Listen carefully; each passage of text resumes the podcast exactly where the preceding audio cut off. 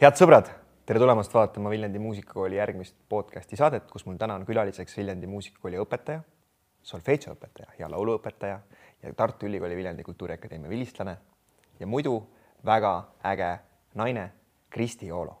tere, Kristi. tere, Sander. kuidas sina Viljandi Muusikakooli jõudsid mm,? Viljandi Muusikakooliga olen ma tegelikult juba väga ammu seotud olnud et eh, kui ma akadeemias siin kõrval õppisin, siis eh, meie praegune õppealajuhataja Marika Reimand kutsus mind endale asendajaks.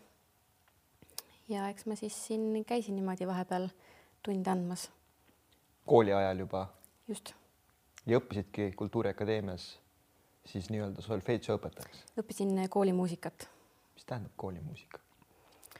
koolimuusikat õpivad need inimesed, kes tahavad minna lasteaeda muusikatunde tegema, koolist muusikatunde teha.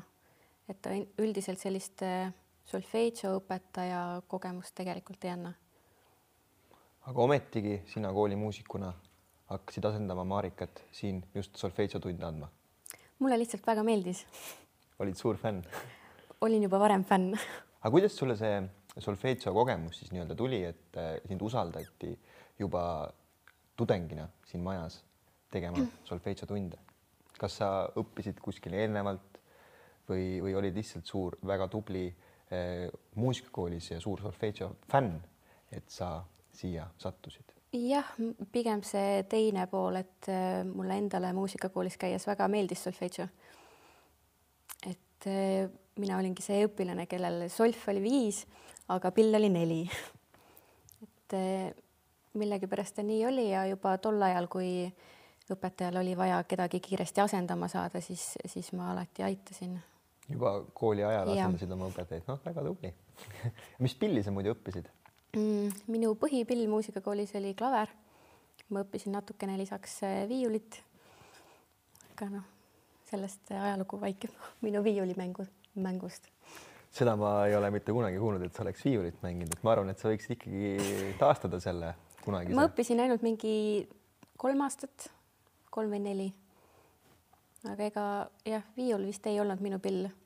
ma tegelikult tahtsin õppida saksofoni lisapillina. aga minu vanemad arvasid, et saksofoni mäng kodus oleks liiga hull või noh, et ei oleks meeldiv kuulata ja siis millegipärast arvasid, et viiul võiks olla parem mm. kas nad pärast, kas nad pärast kahetsesid ka? jah, kõik kahetsesid ja jäi klaver? jäi klaver, klaver oli jah, mõnus väga hea, sa ütlesid, et sa olid muusikakoolis solfedžo viieline ja pill oli neli ja sa väga armastasid seda ainet mm. -hmm. kui me praegu vaatame noori muusikuid, siis äh, olen kuulnud siinsamas maja peal, et solfedžo on ikkagi nagu väga raske. miks me seda peame õppima? ma arvan, et äh, seal ongi see, et nad arvavad või õpilased kipuvad arvama, et solfedžo on pigem teoreetiline, see üldse kuidagi ei puutu muusikaga kokku aga tegelikult ju niimoodi ei ole, et äh, solf äh, aitab tegelikult paremini mõista muusikat. aga tuleb osata õppida või, või siis õpetajal õpetada.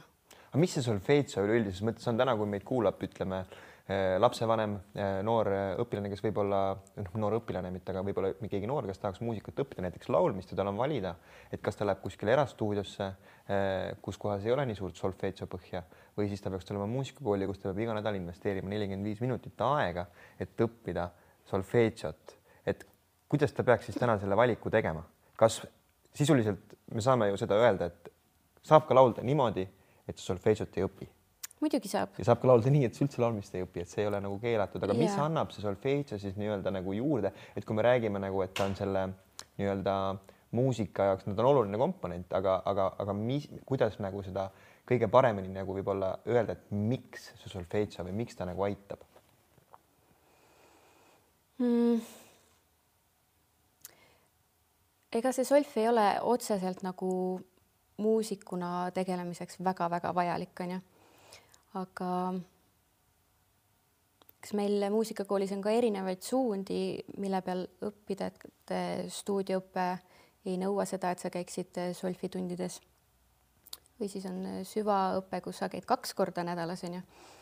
et see maht oleneb sellest, et mida õpilane tahab saada. aga no mis me teeme seal solfeitsiotunnis, kui tuleb täna esimese klassi mm -hmm. õpilane, näiteks noh, kas ta saab kohe tulla ka laulmist õppima, milline on tema esimene aasta solfis, on sul esimese klassi õpilasi? väga hea, siis saame sellest kohe mm, täpselt teada. esimeses klassis me õpime rütmi, me õpe, õpime plaksutama, mängime hästi palju. Et õpime noote tundma, noodist laulma natukene. et tegelikult see grupi, grupiõpe solfis on, on äge ja on põnev ja on ka lastele ka äge, et näiteks kui me õpime erinevaid taktimõõte ja viipamist, siis eh, me ei viipa nagu tuimalt nelja või kahe peale, vaid eh, mina näiteks lasen õpilastel valida eh, oma lemmiklaule ja siis arutame, mis seal taktimõõt võiks olla ja siis viipame neid nii-öelda laule kaasa onju. väga hea, ma mäletan, kui mina olin solfeitsos, siis oli mingi klaveri peal mingisugused täiesti nagu sellised meloodiad, mis ei jäänud meelde. Sa pidid olema kogu aeg nagu fookuses, et aa, et mis nüüd sealt tuleb, et praegu sa räägid, et sa oled eh, toonud eh, solfeitsi õpetamisse kaasaegset muusikat eh, nii-öelda, mis sulle võib-olla meeldib ja kuidas sa seda muusikat valid, mis sa neile esitad? Mm,? eks ole nii ja naa, et mul meeldib teada saada, mis mu õpilased kuulavad. näiteks nüüd viimases esimese klassi tunnis just ma sain aru, aru jah, teada, et üks, üks poiss kuulab hästi palju Soome metalit hmm. et põnev on et mulle meeldib, kui on õpilastega selline mingisugune side tekib või et sa tead nende kohta rohkemat kui seda, et mis pilli ta mängib. kas sa siis sisuliselt nagu natukene nagu läbi erinevate mänguliste tegevuste üritad aru saada, mis on see muusika, mida nad kuulevad yeah. ja siis sa kasutad seda muusikat selleks, et õpetada neile nii-öelda kuulmist ja ka rütme? ja seda me teeme, pluss eh, seal on veel see aspekt juures, et eh, need õpilased ju rühmas on kõik erinevad, et neile meeldivad erinevad asjad ja aga erinevus ju rikastab, et eh, nende see maailmapilt ka natukene laieneb selle võrra. kas sa oled neid kunagi küsinud ka, kui palju nad üldse muusikat täna kuulavad? Eh, ja mul on üks klass selline, kes eh, ütleb, et nad väga palju ei kuula, aga üldiselt minu õpilastega on vist pigem hästi, ma arvan, tundub praegu küll nii. Noh, kui te kuulate juba koos ka tunnis ju see on ka lisaväärtus. aga milline see rütmiõpe on, et ma mäletan, et et eh, kui mina käisin solfeitsit õppimas circa tänaseks juba kakskümmend aastat tagasi eh, esimest korda, siis oli niimoodi, et eh, õpetaja Maie Tambra koputas nii-öelda hariliku pliiatsi teise poolega klaveri serva peale ja me pidime kaasa viipama, et kas täna see rütmiõpe on ka kuidagi nagu muutunud, oled sa võtnud kasutusele, kasutusele mingeid kaasaegseid tehnilisi vidinaid, ka mängid trummikomplekti kõrval? eks see pliiatsiga koputamine on ka vahepeal vajalik, et me teeme ikkagi kõike. Eh, koputame pliiatsiga, nemad eh, plaksutavad, meil on klassis pille, mille peal nad saavad mängida ja jah, me teeme ikkagi kõike, pluss minu klassis on õnneks hästi suur telekas. ma saan panna mm, ühe netilehekülje neile sinna ette, kus nad näevad noodipilti, kus instrumendid mängivad, onju. ja siis näiteks ütlen, et sina palun plaksuta teist trummi kaasa, onju. et ja siis seal muidugi mängib see mingisugune popmuusika taustaks. see on väga lahe, sest ma praegu mõtlen, et me õpimegi rütme reaalsest muusikast, et ei olegi ainult koputamist, et pärast võib-olla tekib see probleem, et et kui ainult koputad, siis nagu seda pareeli, pala, paralleeli tõmmata, et kas seal, et kuidas ma selle muusikast mm -hmm. nagu ära mhm. eristan, et see on nagu päris lahe. aga ei saa jätta mainimata seda, et me elame praegu väga raskel ajal. et noh, sisuliselt ju meie tunde teha ei saa, kontakttunde, et toimuvad nii-öelda üle videosilla. kuidas see on mõjutanud solfeitsi õpinguid, kas ta on pigem nagu eelis, on see problemaatilisem ja kuidas üldse sul täna nii-öelda need virtuaalsed tunnid Äh, välja näevad mm,? mulle väga meeldib Zoomi tunde teha. Ehm, ta natukene raskendab seda nagu ajalist, ajalises mõttes, et mingisugune piirang sinna tekib, onju. et kellel küll jookseb video kokku ja ei, ei kuule või ei näe, onju, mitte midagi ei saa aru.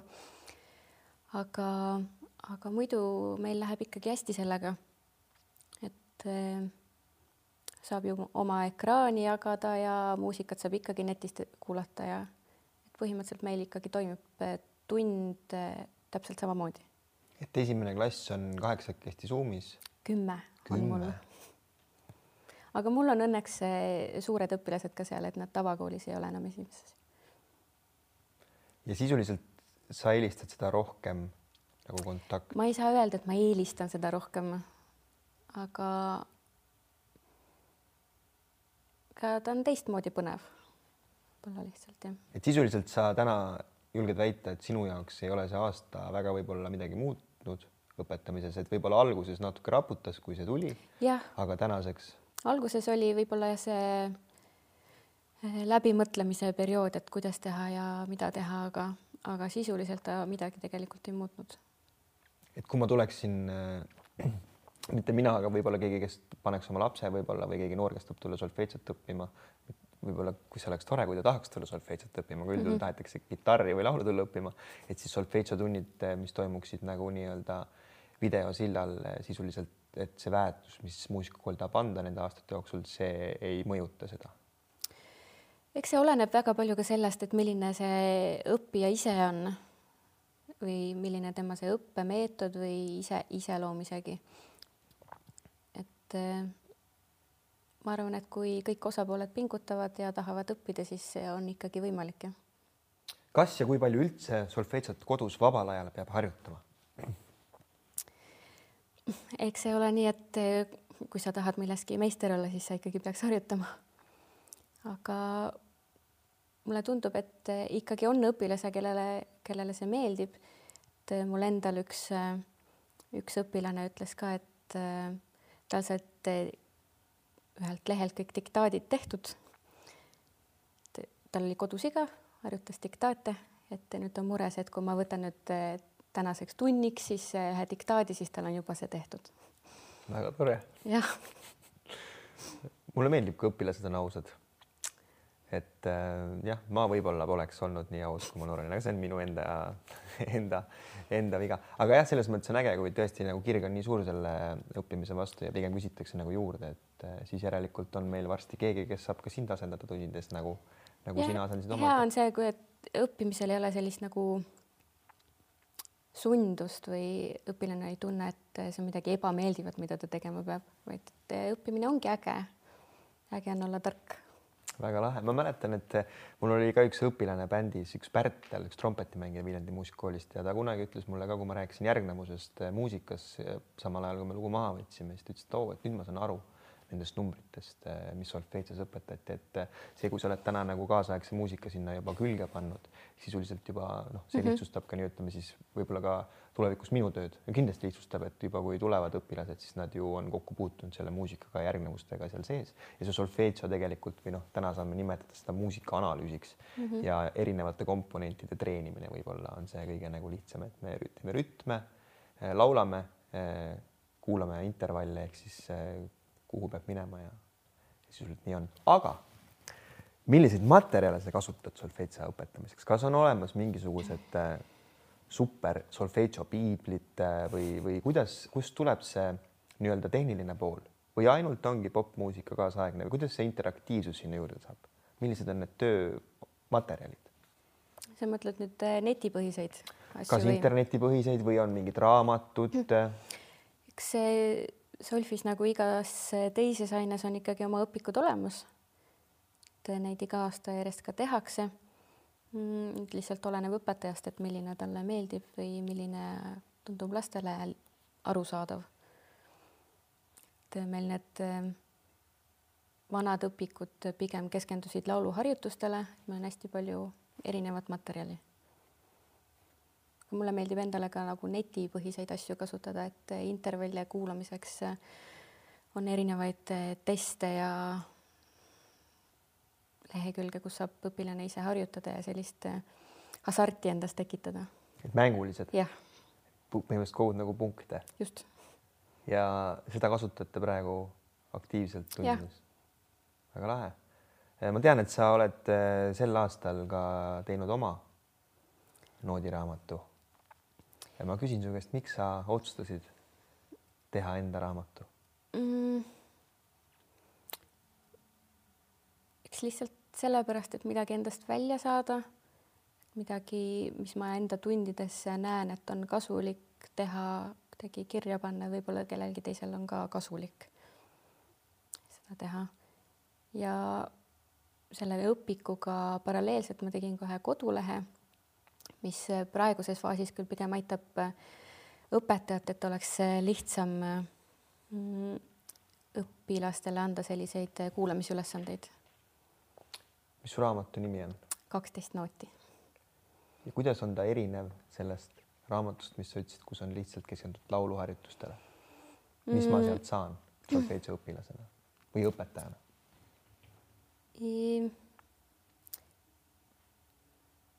ma vist julgeks väita, et ta on praegu ainuke õpik, mis hakkab nagu algtasemel õpetama eh, tähtharmooniat, mida muusikas nagu, nagu praktilist muusikat harrastades oleks väga vaja teada.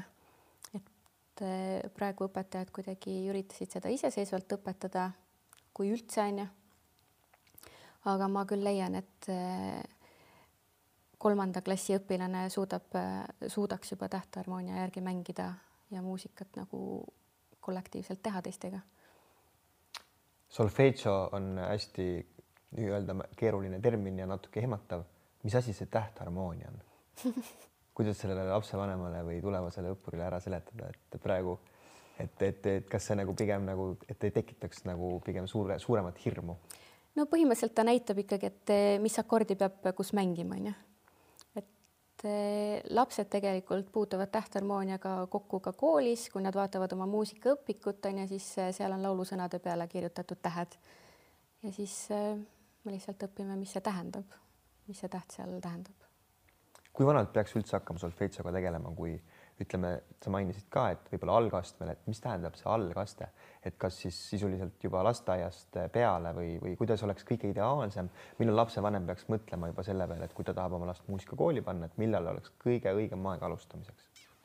see oleneb äh, nii sellest äh, õpilasest ja tema valmisolekust õppida. Et äh, võib-olla ka õpetajast, et kuidas õpetatakse.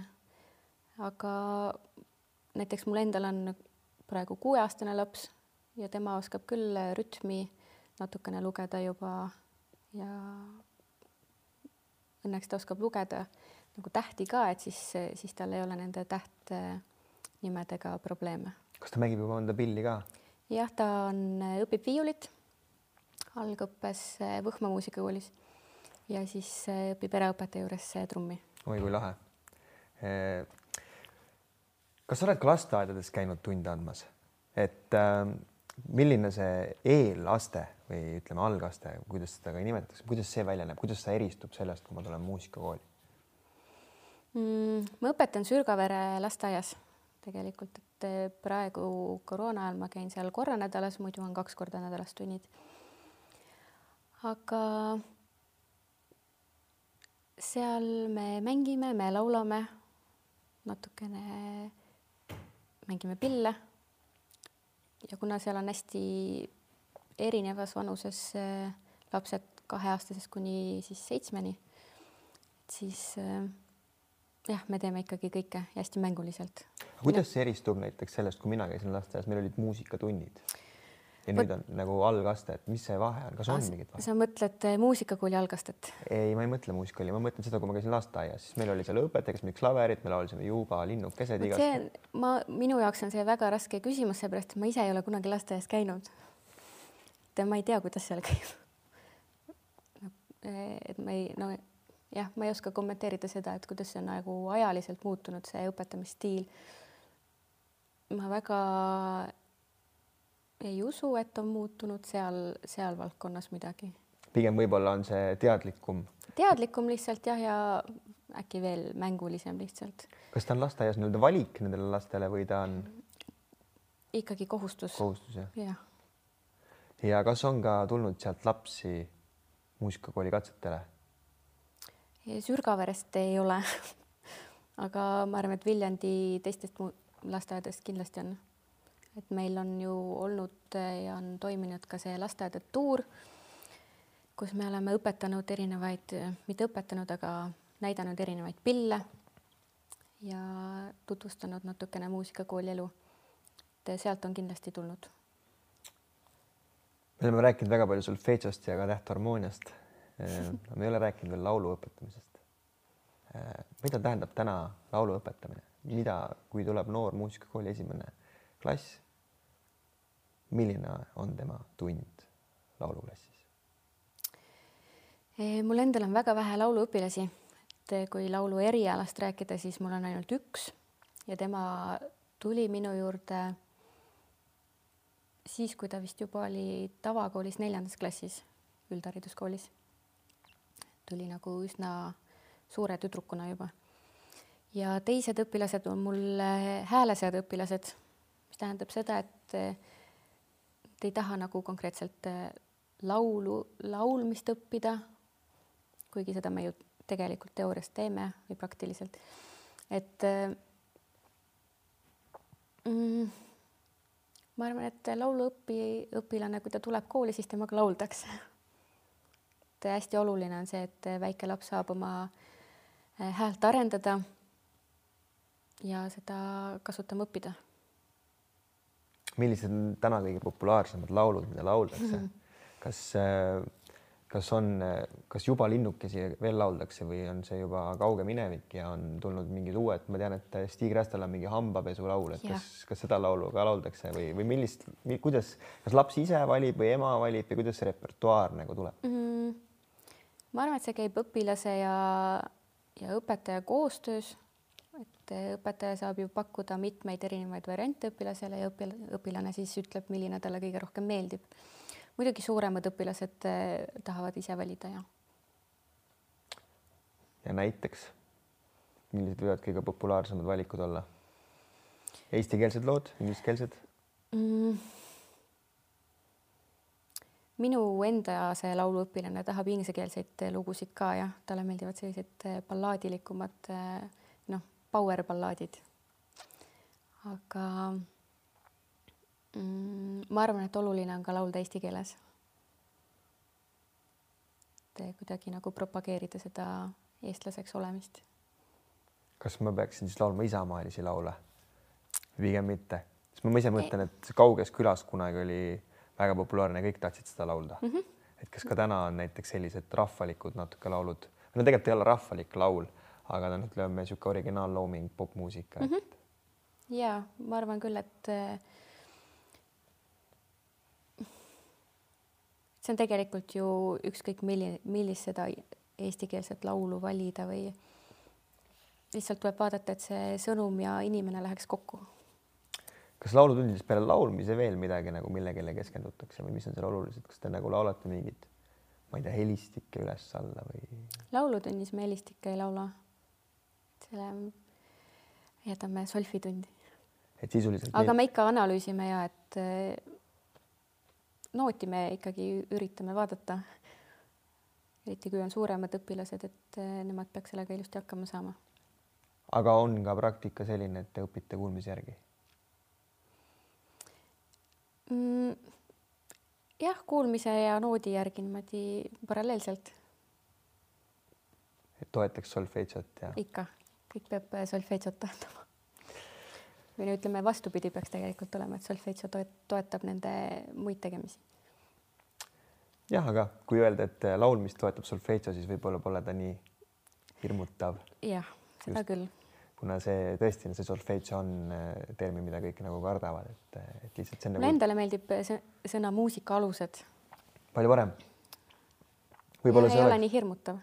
just, et kui ta oleks muusika alused, siis ta ju nagu oleks äh, rohkem söödavam võib-olla noorele yeah aga võib-olla lõpetuseks. mida öelda lapsevanemale, kes kaalub oma last muusikakooli panemaks, kuidas ta peaks otsustama ja mida öelda võib-olla sellele noorele, kes praegu mõtleb, ütleme kümneaastasele, kes ise võib-olla tahaks mõelda või üheksa aastane, et eh, kas ja millal tulla mm.? kindlasti tasub tulla, vähemalt tulla proovima, et eh, ega muidu ju teada ei saa, et kas see, kas see muusika on sinule lõbupakkuv või, või kuidagi sobiv, et tegelikult eh, muusika, muusika õppimise jaoks sa ei pea vaatama nagu tulevikku, et kas ma tahan olla muusik. et see ei ole see eesmärk omaette. pigem vaadata, et, et su lapsepõlves oleks midagi ägedat, mis sind nagu kuidagi muud moodi toidab. et pigem, kui sul on huvi muusika vastu, siis kindlasti tulla. siis kindlasti tulla ja, et kui sul juba väga suur huvi on või isegi väike huvi, et siis, siis ei ole nagu isegi küsimust ju, et kas tulla või mitte tulla. ja viimane küsimus, võib-olla sa rääkisid ennist, et sul on kuueaastane tütar, kes äh, mängib viiulit, seda pilli, mida sul ei, mida ka sina mängisid, eks ole, onju. Mhm. et võib-olla varsti hakkab saksofoni mängima ja mängib trumme äh, sa paned ta kindlasti muusikakooli? ma üritaks küll, jah. aga juhul, kui tal tekib suurem huvi näiteks võrkpalli vastu mm.? Ma arvan, et lapsepõlv on selline, selline aeg, kus sa saad kõike proovida. et kui sul on huvi, siis tee kõike. et pigem siis mõlemat? jah. väga lahe. suur aitäh sulle, Kristi, selle vestluse eest. loodame, et äh, solfeitso ei ole enam nii hirmutav, kuna ta kannab nüüdseks terminit muusika alused, mis sisuliselt nii-öelda on kogu selle muusika ümber. ma soovin sulle jõudu, õnnestumist ja ma loodan, et su värskelt ilmunud solfeitsoõpik kaksteist nooti ka saab laialdast populaarsust üle Eesti, nii et ka teised muusikaõpetajad üle Eesti saavad sellest kasu. aitäh sulle sinu panuse eest ja jõudu tööle ja näeme kooli peal. aitäh. head sõbrad, teiega kohtume juba järgmises saates. ilusat päeva